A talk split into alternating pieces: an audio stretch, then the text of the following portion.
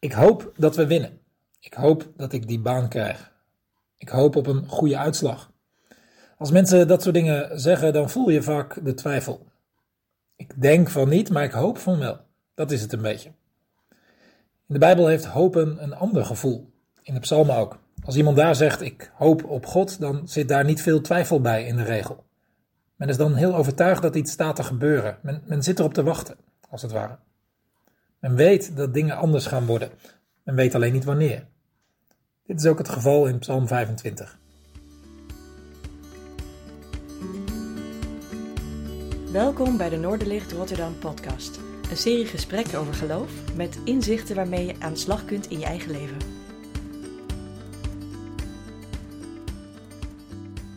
Er zijn zeker problemen en het valt allemaal zeker niet mee. En de hulp is heel erg welkom, de hulp van boven. En wordt met klem gevraagd dat die hulp nu echt zal komen. Maar daaronder zit veel goede hoop, veel vertrouwen over een goede uitkomst, veel vertrouwen op God. Laten we die psalm lezen. Psalm 25 van David. Naar u, Heer, gaat mijn verlangen uit. Mijn God, op u vertrouw ik. Maak mij niet te schande. Laat mijn vijanden niet triomferen. Zij die op u hopen, worden niet beschaamd. Beschaamd worden zij die u achterloos verraden. Maak mij, Heer, met uw wegen vertrouwd. Leer mij uw paden te gaan. Wijs mij de weg van uw waarheid en onderricht mij. Want u bent de God die mij redt. Op u blijf ik hopen. Elke dag weer. Denk aan uw barmhartigheid, Heer, aan uw liefde door de eeuwen heen. Denk niet aan de zonde uit mijn jeugd, maar denk met liefde aan mij. En laat uw goedheid spreken, Heer. Goed en rechtvaardig is de Heer. Hij wijst zondaars de weg. Wie nederig zijn, leidt hij in het rechte spoor. Hij leert hun zijn paden te gaan. Liefde en trouw zijn de weg van de Heer, voor wie de wetten van zijn verbond onderhouden. Vergeef mij, Heer, mijn grote schuld, omwille van uw naam. Aan wie in ontzag voor hem leven, leert de Heer de rechte weg te kiezen. Hun weg, hun leven verloopt in voorspoed, en hun kinderen zullen het land bezitten. De Heer is een vriend van wie hem vrezen. Hij maakt hen vertrouwd met zijn verbond. Ik houd mijn oog gericht op de Heer. Hij bevrijdt mijn voeten uit het net.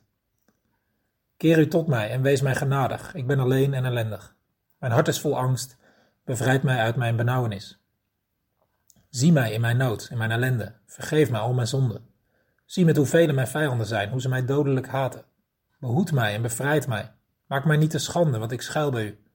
Onschuld en oprechtheid mogen mij bewaren. Op u is mijn hoop gevestigd. God, verlos Israël, verlos het van al zijn angsten.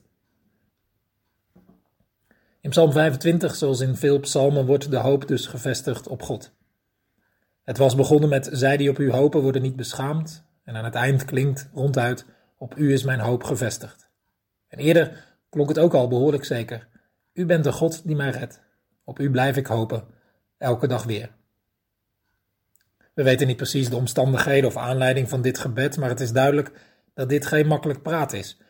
De bidder heeft zo zijn problemen. Ik ben alleen en ellendig, vers 16.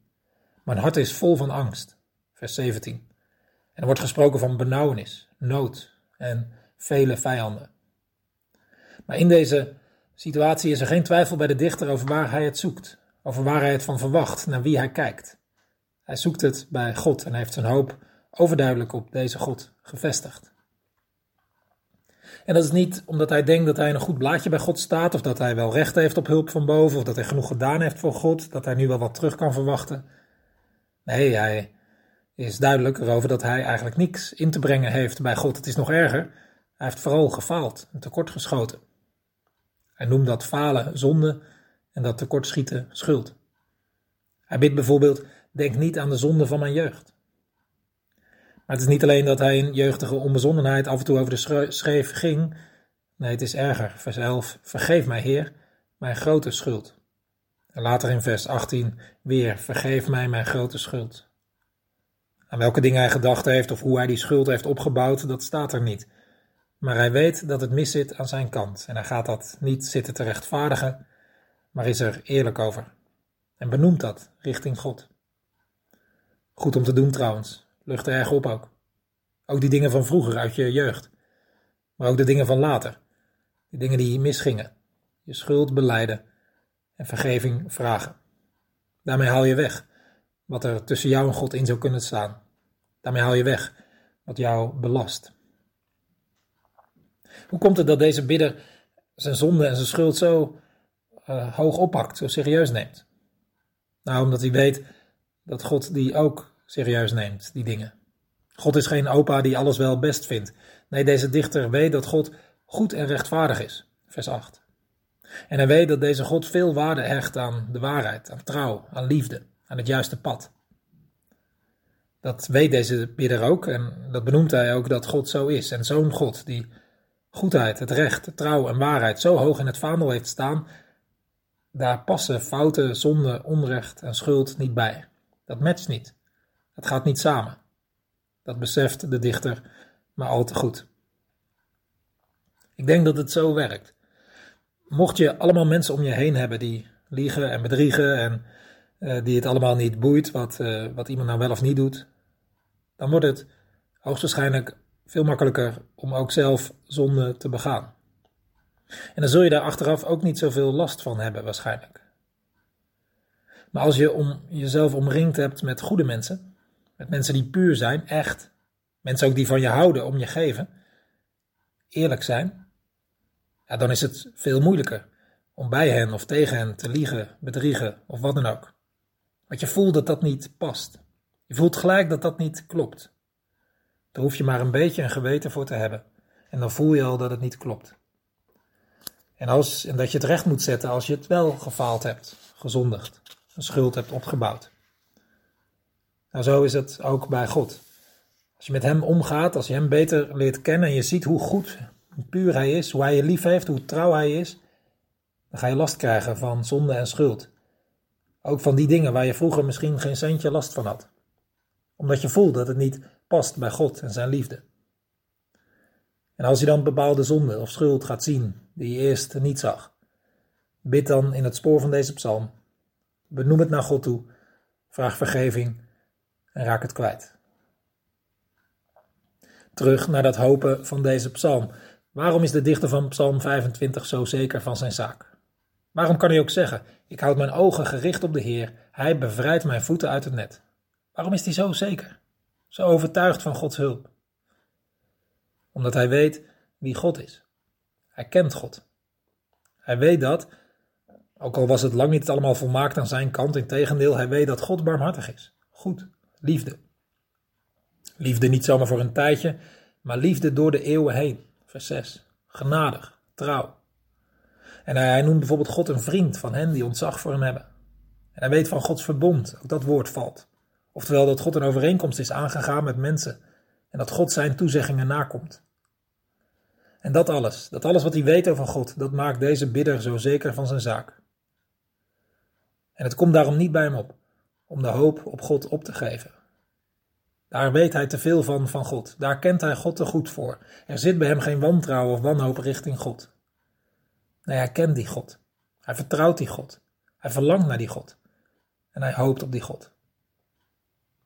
Ik weet niet of je de God van de Bijbel kent, hoe goed je hem kent, hoe lang of kort je hem kent. Dat je vertrouwd met hem bent geraakt en ook met zijn woorden, of niet echt, of, of nog niet.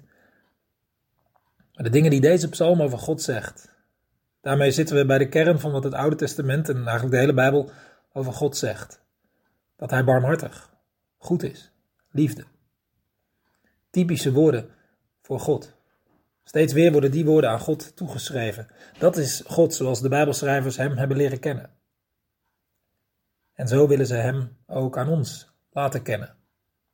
En als je hem zo leert kennen, dan wordt je hoop sterker, vaster, overtuigder.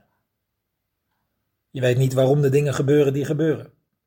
Maar wat de reden ook mag zijn, het is niet dat God je niet lief heeft. En je weet niet hoe lang de moeite eenzaamheid of ellende aanhoudt. Maar wel dat het eens anders wordt. God zal redden. En je weet niet hoe Gods weg eruit ziet met jou of met de hele situatie, hoe God gaat helpen of verlossen. Maar wel dat hij het gaat doen. In dit leven al en ook zeker na dit leven. En je weet nooit al je fouten, missers, schuld. Maar wel dat God daaraan voorbij gaat en je tegemoet komt in zijn liefde. Psalm 25 wil je helpen om die God voor ogen te houden en daarmee je hoop ook op Hem te blijven vestigen. Psalm 25 is een persoonlijk gebed. Je mag dit ook je eigen gebed maken. Dat is de bedoeling van die psalmen, daar zijn ze voor geschreven. Dat je ze zo leest, zodat je ze zelf gaat uitspreken richting God. Dat je ze zelf bidt. En het zal dan je eigen hoop sterker maken. Tot slot, het mooie van deze psalm is dat lang geleden mensen zich herkenden in dit gebed. Het ook gingen bidden. En ergens onderweg werd er nog een laatste zinnetje aan toegevoegd. God, verlos Israël, verlos het van al zijn angsten. Het is een gebed geworden van een grote groep opeens, een volk, Israël. Daarvoor was het allemaal heel persoonlijke taal. Ik ben alleen, mijn schuld is groot, help mij, ik heb mijn hoop op u gevestigd. Maar nu is het opeens heel breed. Want de mensen hebben toen de conclusie getrokken, de juiste conclusie, dat zoals de enkeling zijn hoop op God kan vestigen, zo kun je dat ook als volk. En zo wordt dit gebed niet alleen maar je eigen volk, maar kun je het ook met anderen en voor anderen bidden. Want wij allemaal moeten het hebben van deze God. En wie op Hem hopen, raken niet beschaamd. Bedankt dat je luisterde naar de Noorderlicht Rotterdam podcast. We hopen dat je er iets aan had deze keer. Je kunt alle afleveringen beluisteren via Spotify, YouTube, Apple Podcasts, Google Podcasts en natuurlijk via www.noorderlichtrotterdam.nl. Heb je een verzoek voor een onderwerp of heb je een suggestie voor een gast in de podcast?